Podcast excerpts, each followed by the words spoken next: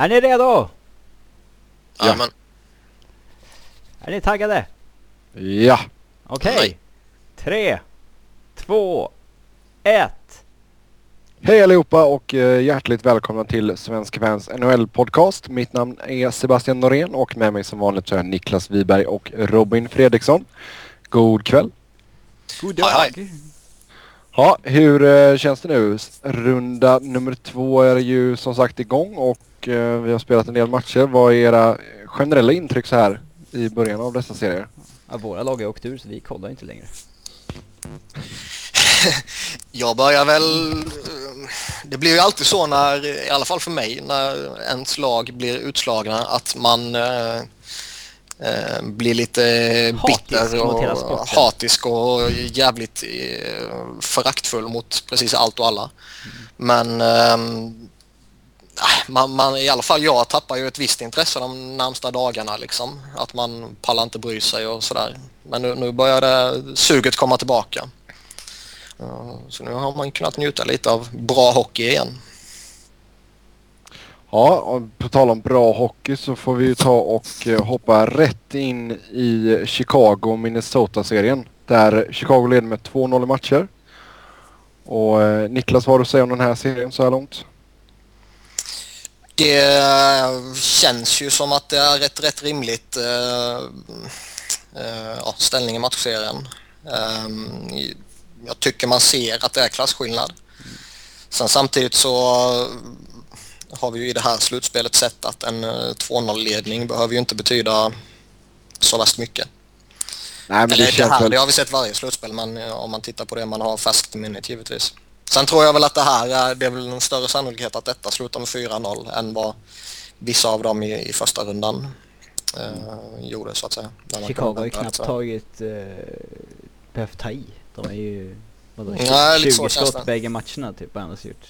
Ja. Var ju inte rosa-marknaden direkt men... Eh, Jag tycker Wild har ju bjudit på, alltså de, de spelar konstigt ibland, gör lite konstiga misstag både med och utan puck och grejer. Och jag menar ska du över en matchserie bäst av sju kunna besegra Chicago så har du inte råd att bjuda Chicago på massa gratissaker. Nej, jag tänkte säga, är det verkligen... Alltså, jag är ju ingen större supporter av Ilja Bryskalov men det känns väl inte som att det enbart är hans fel att, eh, att det har gått som det har gått. Nej, det är klart inte det. Jag skulle varit skitsamma om de skulle ha Bruskalov eller Bäckström eller Harding eller Darcy Kemper eller eh, John Curry eller Johan Gustafsson eller vad fan de skulle sätta i kassen liksom. Det... Eh, det... det jag, jag tycker inte man kan peka på någon individuell svaghet sådär i, eh, i Minnesota utan jag tycker det är liksom rakt igenom alla möjliga aspekter klasskillnader. Mm. Sen hjälper det ju inte när Corey Crawford faktiskt spelar bra i mål för Chicago och eh, har en räddningsprocent på 94 och goal against average på 1,5. Så är det. Sen är det alltid enkelt att, som målvakt att spela bra bakom ett bra lag. Eh, Och det känns han- lite som att han, han kommer nog alltid lida av den aspekten lite. eh, Alltså som Chris Osgood gjorde i Detroit till exempel. Att man har fina siffror, man vinner och lite sånt här men kommer alltid finnas det här argumenten att jo men du spelade bakom Niklas Lidström i hela din karriär och bla bla bla. Lite känns det som att samma grej kommer att vara med Corey Crawford. eh, en spelare som verkligen har klivit fram här lite är ju Brian Bickle med eh, tre mål och två assist på de första matcherna. ett i tom bur visserligen. Men... Ja. Eh, ja alltså. Oavsett om man bara flyt nu i slutspel så eh, han är betalt för att leverera slutspelet och det har han väl gjort oavsett vad det beror på. Det är ju lite absurt alltså när man tänker på att han var så jävla kass i grundserien. Eh, gjorde 11 mål på 59 matcher. Nu har han redan gjort eh, fem mål på åtta matcher. Eh, så det, det är lite... ehm, kan det vara en riktig slutspelsspelare spelare helt enkelt? Playoff performer? Jag vet inte. Han har en, spelar, eller en spelstil som eh, är jävligt tacksam att kunna ha till sitt förfogande i ett slutspel. Också Och- många sådana lirare alltså. Ja, det har de verkligen. Eh, om vi tittar på eh, toppspelarna då. Eh, Jonathan Taves är ju kapten i detta laget och är, är det den eh, ultimata ledaren att ha?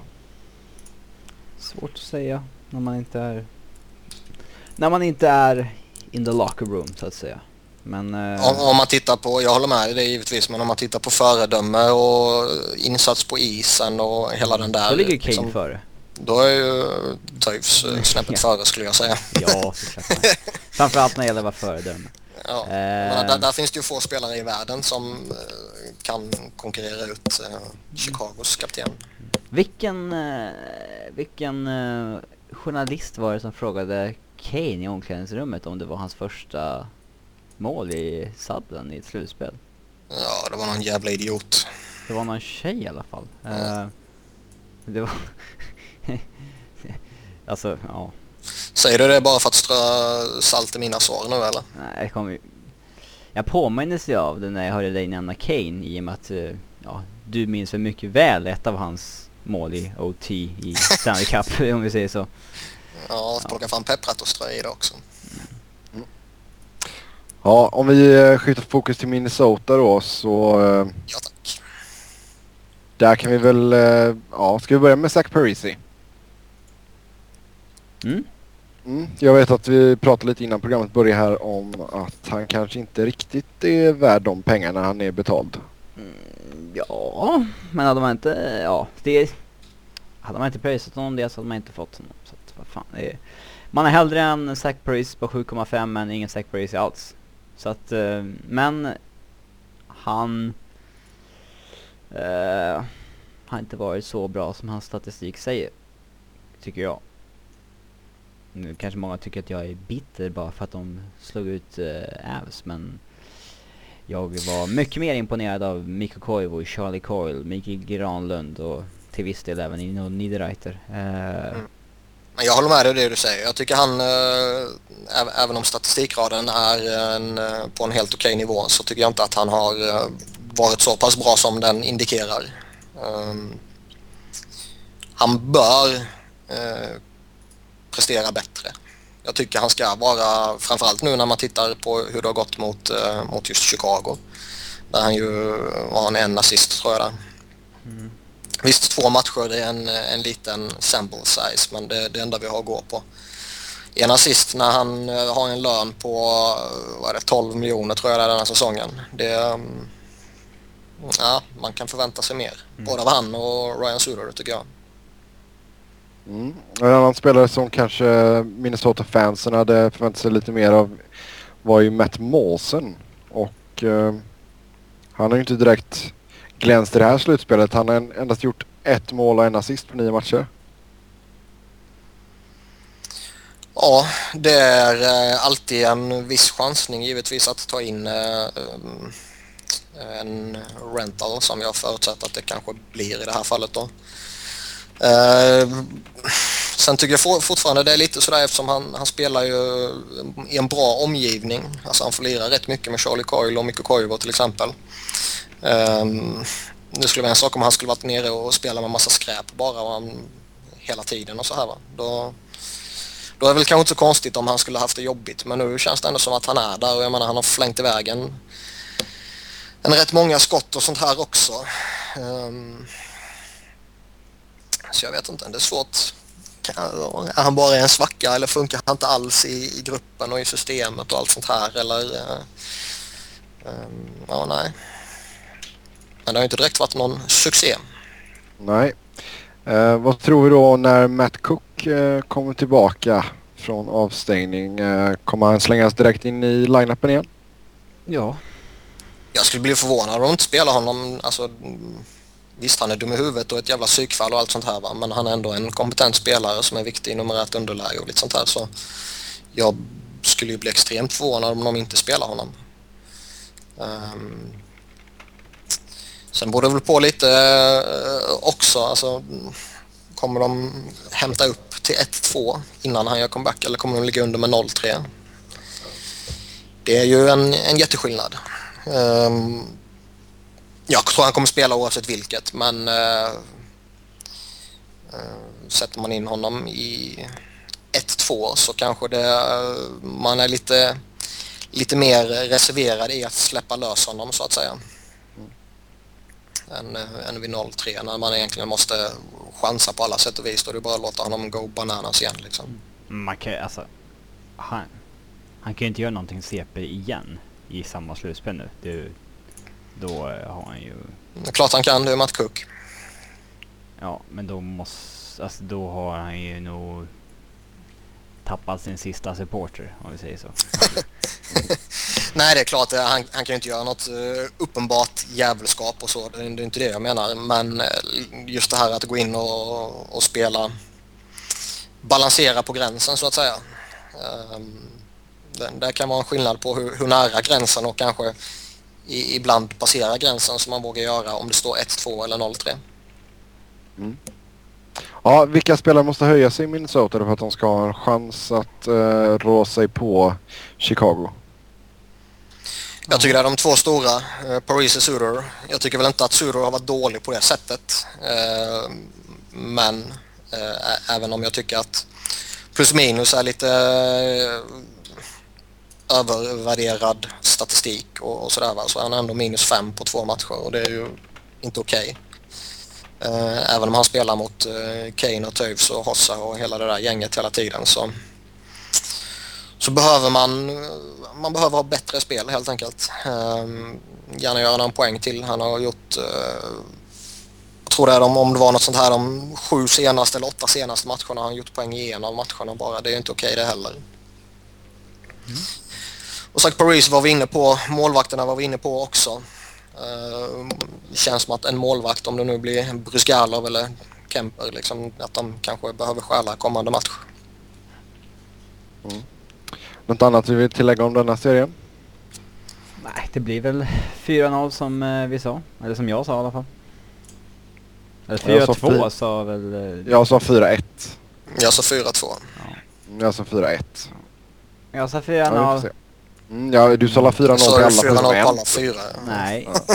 jag sa 4-1 till Pittsburgh. Ja. Så jag kan bara, ja, det är bara en serie jag körde i mitt tips faktiskt. Ja, vi hoppar över till nästa serie då och vi kör Anaheim mot Los Angeles Kings. Mm. Där eh, Kings har 2-0 i matcher efter eh, två mycket spännande matcher faktiskt.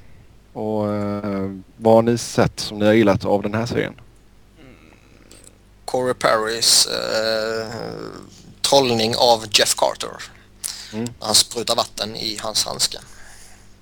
Så barnsligt. Bu- busigt gjort. Nej men, gillar vi. Ja, om vi kollar på spelet på isen då.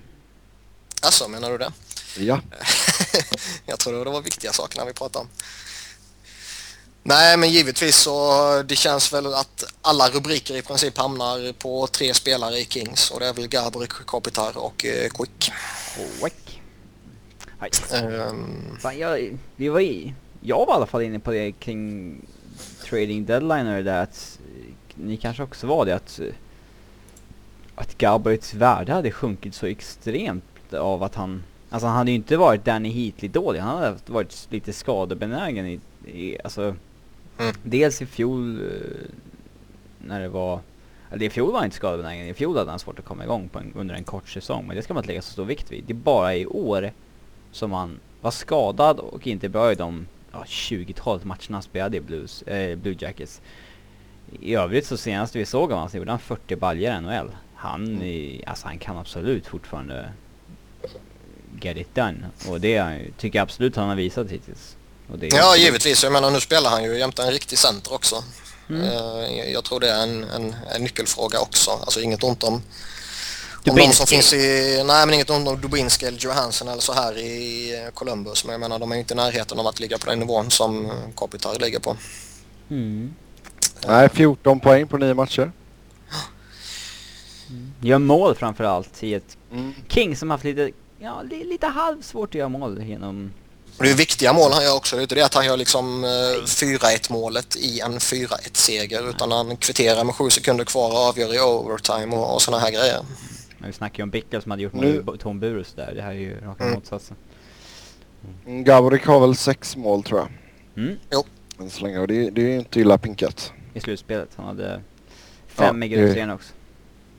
Så redan mer än i grundserien, det är bra. Ehm, Alltså vi kollar på fem John- i Kings. I Ja. Ja. ja, ja, ja. Om vi tittar på Jonathan Quick då. Är detta slutspelsmålvakten numero uno?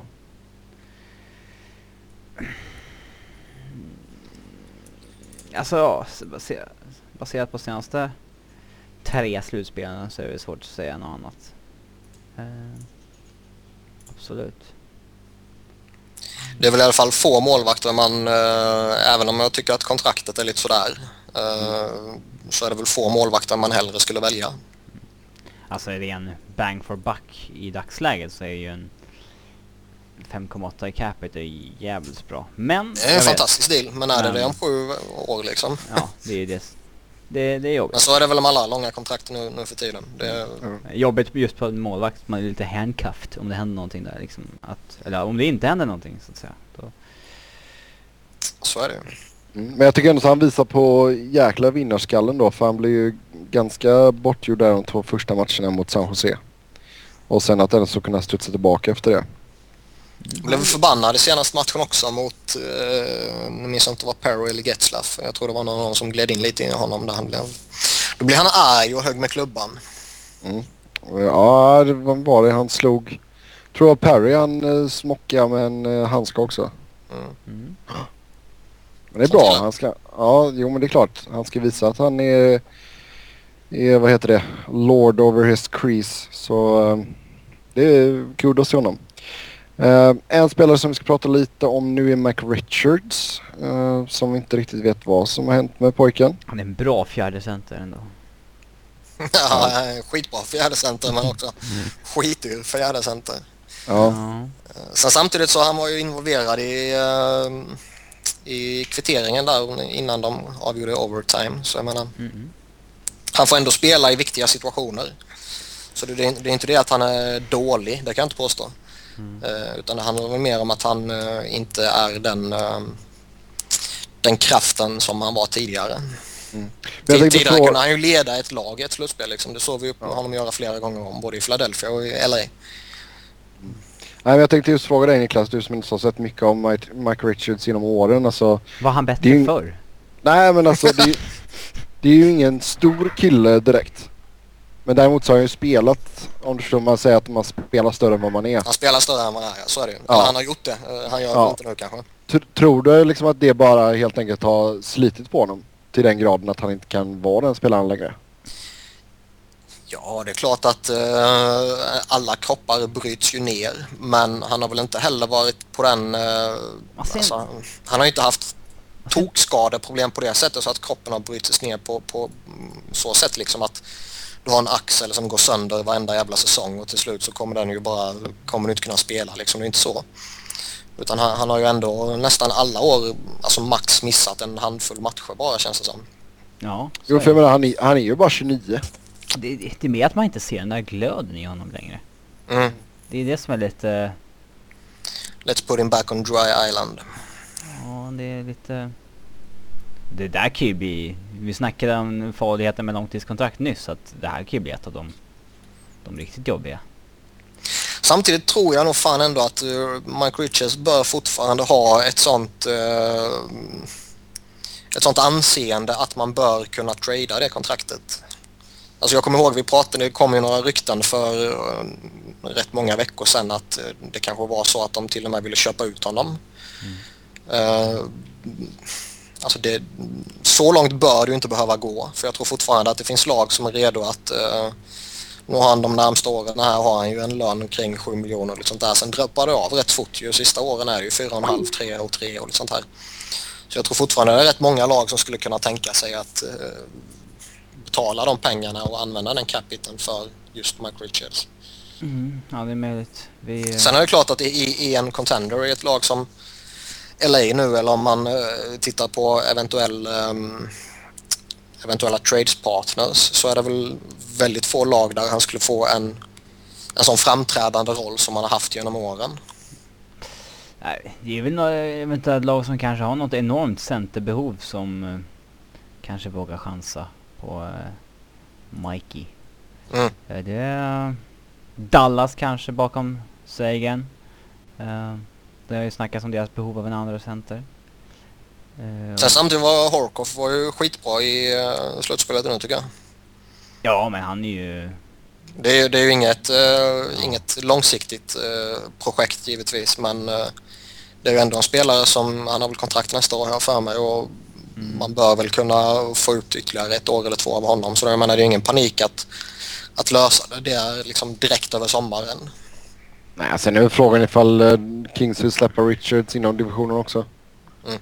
Om de blir av med det där kontraktet så vill de nog det. Alltså, de skiter i vilket då?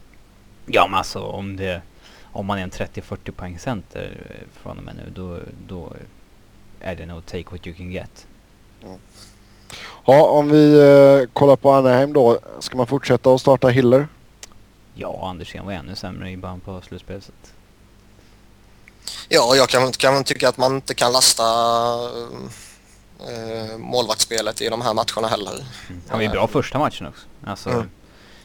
det släppa in två av 16 skott, visst. Men alltså, det är inte något tabbar liksom.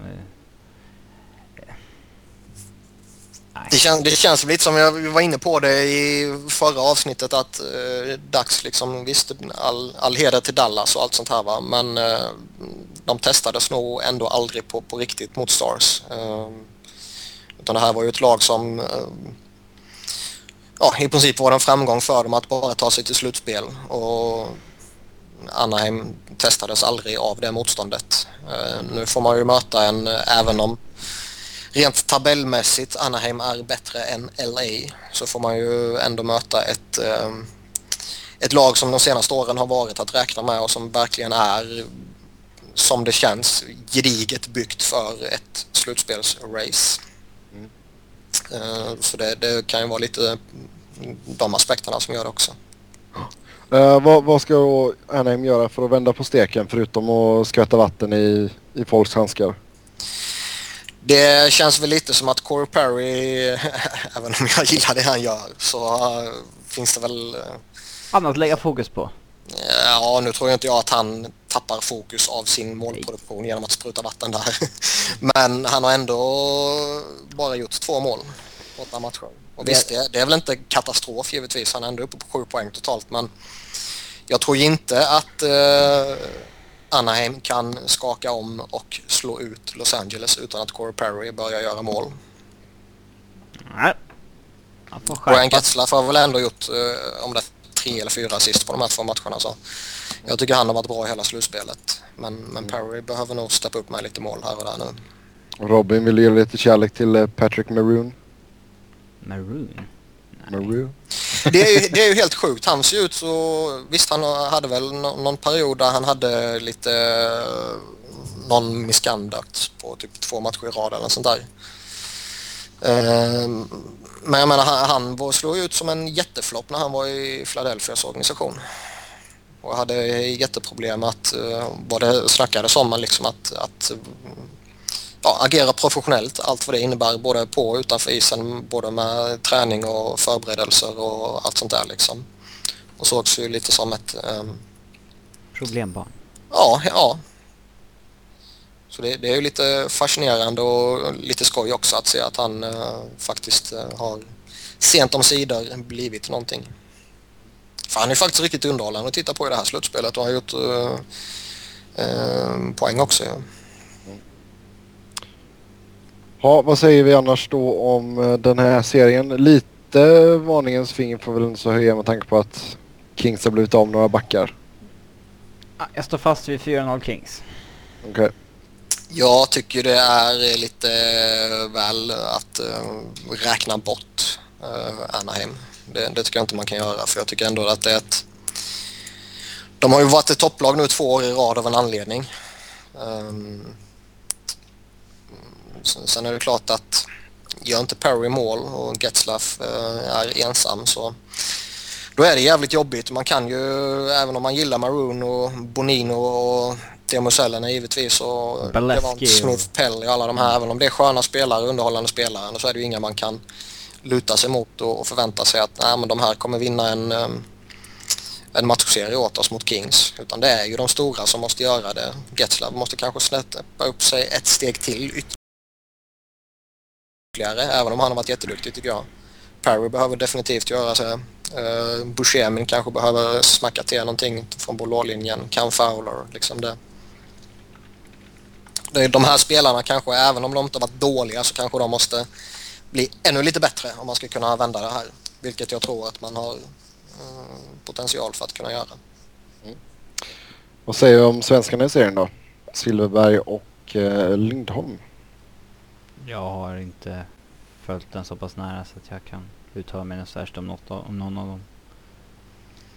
Silverberg, nu har inte jag sett tillräckligt mycket för att uh, med 100% säkerhet uh, säga vad jag tycker och backa upp det så att säga. Men uh, Silverberg känns väl inte som att han är på samma nivå som han var i tidigare.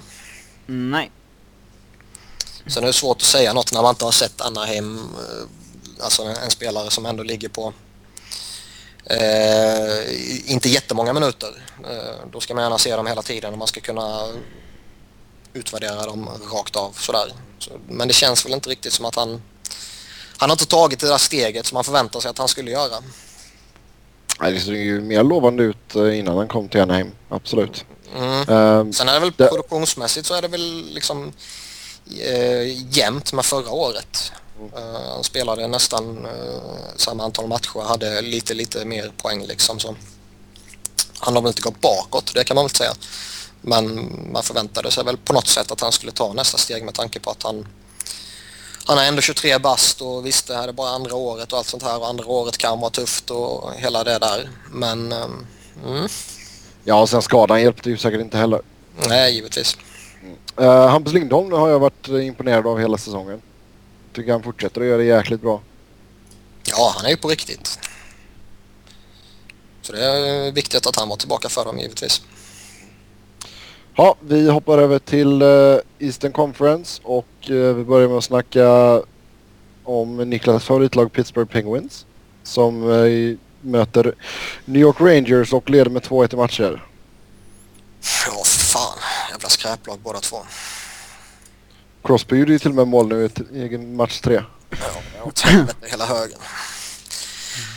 Nej, men det där var nog rätt viktigt. Jag tycker... Eh, det, alltså det snackas lite om att han går eh, handledsskadad och lite sånt här. Och givetvis så en, har du en sargad handled så kan det vara svårt att... Spela hockey. Spela hockey och hantera klubban och hantera puck och framförallt om du får något eh, slag över den också och, och sådana där saker. Så men jag, jag, tycker väl ändå att det har varit matcher där han har varit eh, sämre än vad handledsproblem ska göra dig, så att säga. Uh, och visst, det har säkerligen påverkat honom som det kan påverka vem som helst. Att han har ju nu varit ju åtta matcher här och sen gick det väl tillbaka en fyra, fem matcher så jag tror han har gått 12-13 matcher utan att göra mål. Alltså förra slutspelet då, 12-13 slutspelsmatcher utan mål tror jag det var. Ehm, så jag menar, det, det sätter sig väl i skallen på vem som helst. Ja, ja det har ju hört väldigt mycket snack om det här borta i media så det var nog skönt för honom att get the monkey off his back. Så är det säkert. Och nu har de ju fått igång Malken också känns det som. Uh, på ett annat sätt än vad de fick mot, mot Columbus. Så det kan vara rätt viktigt för det där är ju två lite halvhyggliga spelare måste man ju säga. De är ganska bra ja. Om vi tittar på uh, Rangers lite snabbt då. Powerplay har ju varit bedrövligt och uh, jag vet inte om man ska använda det som en ursäkt men de har ju spelat väldigt många matcher nu på, på få dagar. Ja men schemat är ju helt galet. De har ju spelat sex matcher på nio dagar. Eh, om man tittar tillbaka på hur det var mot i första rundan då. Eh, varav de har spelat två stycken eh, back-to-backs. Eh, så jag menar det är ju jag tycker på, på ett sätt så är det inte en, en ursäkt men på ett annat sätt så är det ju förmildrande omständigheter. Och det känns liksom att gå in nu och bli nollade två matcher i rad och pratas rätt mycket nu om att de ser trötta ut även om Len Binot inte vill erkänna det och givetvis så ska han inte erkänna det öppet även om det är så. Eh, men det, det, det känns som att Pittsburgh har en tydlig fördel av det om man säger så. Mm. Det är sp- spada som gäller för Rangers idag då. Ja, alltså nu, de måste väl börja spela lite smutsigt nu. Uh, börja spela, gå tillbaka, basic och allt vad det innebär och alla de där klyschorna. Um, för bli nollade två matcher i rad mot uh, fucking jävla Mark André Fleury i ett slutspel. Men det är han som har varit bra. Inte... ja, han har varit bra givetvis men... Uh, det är ändå- mot dem sist. Absolut, han har varit bra men ändå Flower i ett slutspel. Uh, blir nollade två matcher i rad av honom. Uh, det är... Uh, mm, det är mindre skoj. Lundqvist däremot. Han har inte hållit nollan. Nej, släpper Nej. in två av 15 skott sådär. Han var väl lite sådär mot Philadelphia också. Jag tycker väl i mångt och mycket att eh, visst han var duktig och han vann någon match åt dem och så här va. Men eh, Nej, inte head and shoulders klass inte. inte Head and Shoulders klass definitivt inte. Och inte den här jävla reklamen där han stoppar en noshörning eller vad fan det är heller. Ja det är en Ad, vad är det Advil? Ja det är typ Alvedon. den är fan bra. Ja. Ja, den är lite charmig och man förstår ju att det finns så många att liksom noshörningarna är utrotningshotade om de får sina puckar på det sättet. Mm. Ja, eh, nu ska vi, ska vi se. Om vi går tillbaka till Pittsburgh då. Vad har hänt med James Neal? Han är kass. Han är inte the real deal längre. Sälj av honom. Till Colorado-garna. Jag vet inte, han är väl eh, givetvis... Han är han- kall vissa perioder bara. Sen Ja. han gör väl, kan ju lika gärna göra mål tre med fyra matcher i rad snart igen. och- Ja. Lite så är det. Jag menar han, det var väl, nu kommer jag inte ihåg vem det var vi pratade om tidigare men om man tittar han har slängt iväg en jädra massa skott. Jag tror han har mest skott i laget till exempel så chanserna saknas ju inte. Eh, och så länge laget går bra så kommer ju det vara eh, ett mindre problem. Eh, leder du med 2-1 och sådär så, är det inte bra men samtidigt så eh, i det långa loppet om Pittsburgh ska kunna hota om att bli mästare och allt sånt där och framförallt om man så småningom kanske ställs mot ett Boston eller kanske ett Chicago i finalen eller något sånt här så vill jag notera att Malkin och Crosby och James Neal spelar på en betydligt högre nivå. Och sen eh, över till en av New Yorks stjärnor, Rick Nash. Har varit ganska osynlig. Han är väl, eh, man kan nog Han är väl kanske den mest överbetalda stjärnspelaren i NHL nu för tiden. Ja, definitivt en av huvudfavoriterna om man säger så. Det var ju, han glänser ju ändå till liksom lite sådär och gör lite fina grejer och, och visar ändå att det finns någon form av talang i den där jävla kroppen. Men Man trodde ju fan skulle vara typ en 90 poängspelare så fort han skulle lämna Columbus. Nu är ju... Han var ju nästan bättre i Columbus än han är... Eh, ja, han var det än vad han är nu och... För alltså, att han skulle Ja. bli sämre under Vigneault... eh, Det var väl än mer oväntat. Alltså... Alltså... ja, Man hade ju... Under Vigneault så tycker jag att hans spö borde blomstra lite mer än vad han har gjort. Eh, märkligt faktiskt. Eh, och har man en capita på 7,8 då... Eh, det är ju... Alltså... Det är inte många forwards som ligger på den nivån i ligan. nej, men jag tycker alltså statistiken talar för, för sig själv. Han har gjort eh, fyra poäng detta slutspelet. Förra slutspelet gjorde han fem poäng på 12 matcher. Och i Columbus var det ju inte någon, någon jättesuccé heller även om det kanske var lite förmildrande omständigheter i Blue Jackets på den tiden. Mm. Det var ju men för det- en fem sex år sedan. Men jag menar tittar man, han har gjort 26 slutspelsmatcher, han har gjort två mål. Mm. Det är, eh, och det är ändå över tre olika slutspel med eh, tre olika lag kan man väl ändå kalla det. Eh, först Columbus och sen Rangers under Torts och nu Rangers under eh, Vigneault. Eh, jag menar han fortsätter att vara eh, den största playoff-choken typ, känns det som. Jo men alltså en grej om vi, om vi tittar på Nash lite alltså närmare då. Han är ändå så... Han, ja, han är lite norr om 1,90 lång och han väger typ 100 pannor. Men det är ändå sån kille som du väldigt sällan ser alltså, gå in och brotta framför, framför målet eller liksom du vet. Nej, men när vi pratade Mike Richards tidigare så pratade vi lite om att han spelar större än vad han är.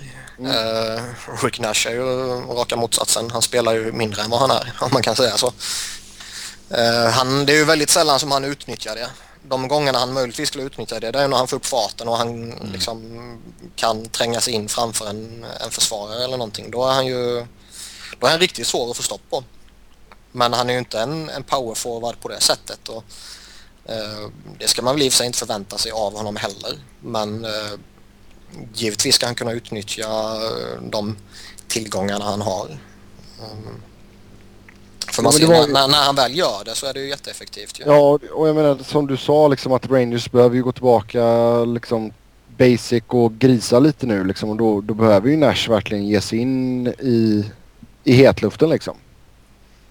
Ja, givetvis. Och jag menar, jag tycker han, eh, som sagt visst han blixtrade till lite mot Philadelphia och hade någon sån här men oftast var han ju mer eller mindre osynlig i eh, liksom 59 minuter och sen hade han en minut totalt så han var bra. Eh, jämför det med alltså, en sån som Martin St. Louis tyckte jag ändå hade flera bra matcher mot Flyers. Nu har han varit kass utav helvete de senaste matcherna också. Jag tror han har fem eller sex matcher utan, utan poäng. Men eh, jämför man en sån som Zuccarello till exempel som känns som den snubben som som leder det där laget i ja. offensivt. Alltså han, han, man märker ju nästan att han är på isen varenda gång han är på isen. Det händer alltid någonting. Det blir inte mål hela tiden och det blir inte liksom jättefarligt hela tiden. Men man märker att han är på isen och han gör någonting positivt nästan varenda gång. Medan som sagt San Louis är ju jättestreaky känns det som nu när han helt plötsligt har hamnat i Rangers istället för Tampa. Ja. Medan han i Tampa kändes som att hela tiden är han den bästa, den drivkraften och etc. Nu känns det som att det händer lite, lite här och där bara. Och som sagt Rick Nash är ju ännu värre. Mm. Ja, något annat du vill tillägga? 4-0. Nej. Okay. 4-1 Pittsburgh som sagt. mm. Ja. Jag hade Rangers efter sju så jag, jag kan väl inte vika mig nu. Nej, Nej jag, jag var på samma sida som dig där Niklas. Um, sista, planerna. Ja, sista serien då, Boston-Montreal, 1-1 uh, i matcher. Uh, match 3 uh, börjar ju, ja, efter, om ni lyssnar på det här sent så kanske det redan har spelats. Uh, ja, vad säger vi om de två första matcherna i alla fall mellan Boston och Montreal? Underhållande. Mm, det var ett bra ord. Det har det verkligen varit. Och jag, jag, jag, tror det måste vara en, en jävligt eh, märklig känsla i Montreal. Alltså egentligen ska de vara uppe 2-0 i matcher. Um, de får inte kollapsa på det sättet de gjorde. Men de Nej, de släpp, släpper in fyra mål i tredje perioden i match två. Mm. Det är så här klassisk Boston-vändning när de bara öser på. Det ja, nej, det, jag menar Boston är skitsvåra att hantera när, när de hittar Kommer den upp. farten och allt ja. sånt där. Och jag menar, Fråga livs. Ja, ja, så jag menar det ska ju inte vara någon skam för det, det är inte det jag menar. Men oavsett vilket så tappar du en sån ledning så är det ju alltid jävligt bitter. Uh, mm. Och jag menar, de ska ju ändå vända tillbaka nu till Montreal och vara jävligt nöjda med att de har 1-1. För jag menar på förhand så är det en framgång. Åka till Boston och spela 1-1 på de två första matcherna, det är ju skitbra. Mm. Absolut. Sen givetvis så borde de ha upp 2-0. Uh, eh, och frågan är ju vilken vilken attityd man tar med sig. Är man nöjd över att man har fått med sig 1-1 hem till Bell Center och kan uh, sätta ny fart där uppe uh, framför en galen jävla publik och allt vad det innebär? Eller är man missnöjd över att man tappade sista matchen? För det förhållningssättet man har där, det kan ju vara direkt avgörande när man går in i match 3. Mm, absolut. Uh, om vi kollar på Boston då så Hamilton och Krug. De har spelat väldigt bra båda två. Och vilken betydelse har de för Boston? Allt mer ju mer, uh, ju mer trött och seg så Don Chala blir. Uh, mm. Och det måste man ju säga att man faktiskt märker av på honom rätt mycket nu för tiden. Ja, um, han, han, fick väl sin första assist här nu i match två tror jag. Mm. Fast det är en annan sak när han inte står på blå längre som i powerplay som Krug gör nu istället. Um, Fast då, han ska ju ha, alltså han, även om han spelar på blålinjen i powerplay eller om han står framför mål i powerplay eller om han sitter på bänken i powerplay så är han ju fortfarande en spelare som ska ha mer poäng. mm. Jag menar han spelar ju ändå rätt mycket i fem mot fem och så vidare. André Messaros har inte lyckats komma in och ta, det, ta en plats liksom på riktigt.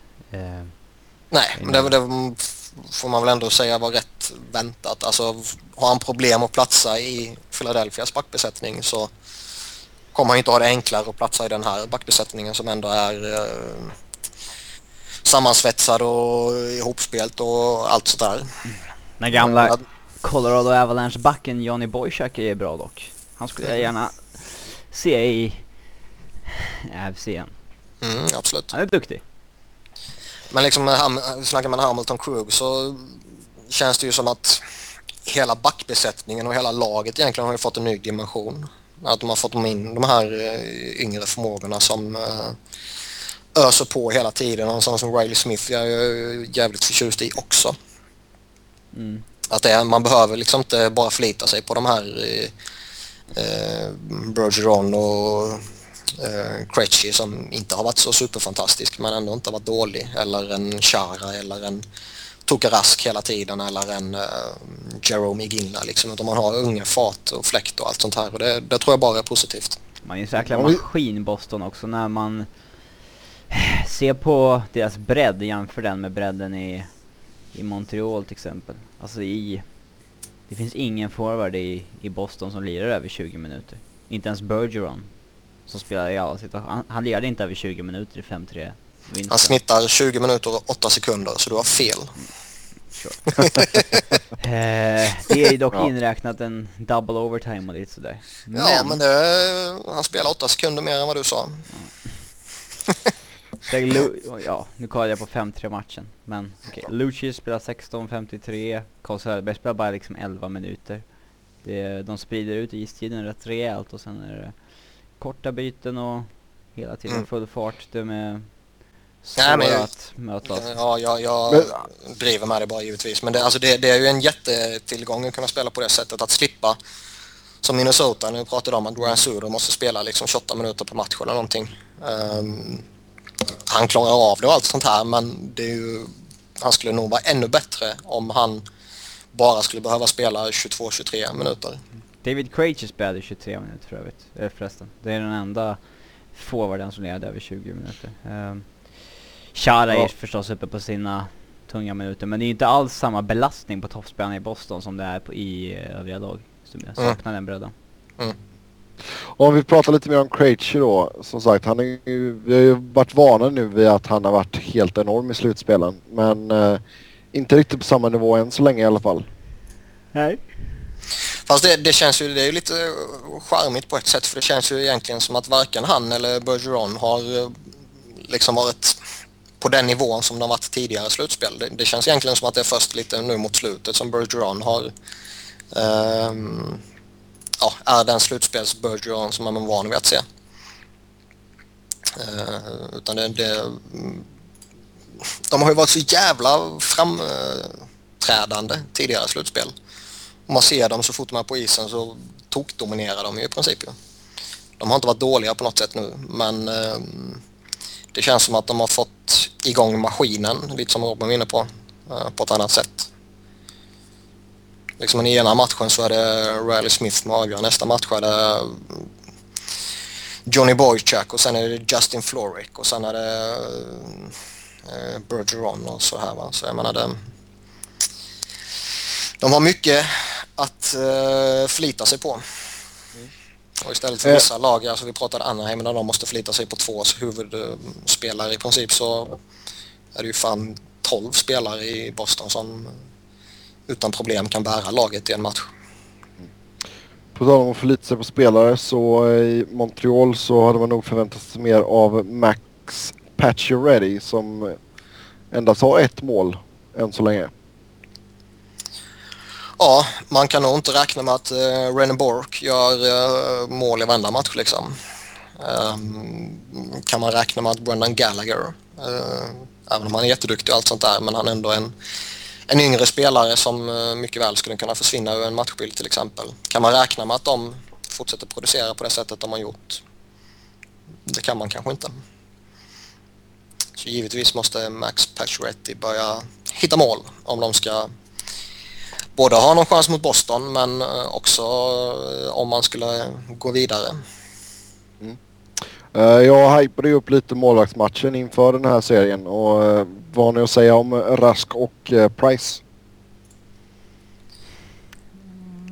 Rask siffror är ju alltid bra av någon anledning men jag tycker inte han är så här dominant på det det sättet som man kanske kan se andra målvakter. Visserligen så låter ju aldrig Boston ge aldrig chansen att, alltså de ger ju inte sin målvakt chansen att vinna en match åt dem för de brukar vinna den åt sig själva. Så att säga. Eh, han hamnar ju i en situation där han måste rädda 50 puckar liksom. Men ja, han är inte så här. han är inte så dominant som vissa andra målvakter tycker jag. Jag tycker väl båda två har varit eh, gedigna och, och sådär va men fortfarande känns det som att eh, båda två kan prestera ännu bättre. Ehm, och framförallt så lite som Robin är inne på så Toke Rask behöver kanske inte göra det på samma sätt som Carey Price måste göra.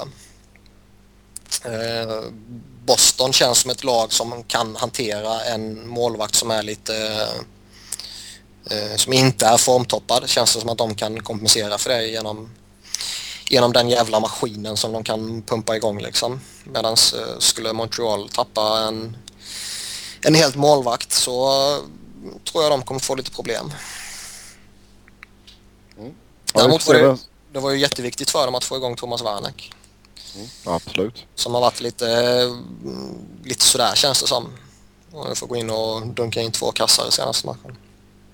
Mm, jag kan jag tacka Piqué Subban för. Ehm, men vi får se vem som går segrande ur målvaktsmatchen. Uh, tills nästa gång vi hörs så vill ni snacka hockey måste gå bra och göra det via Twitter. Mig hittar ni på @sebnoren, Niklas på att Niklas Wiberg, Niklas med C och enkel V och Robin hittar ni på R underscore Fredriksson. Så tills nästa gång, ha det gött, hej!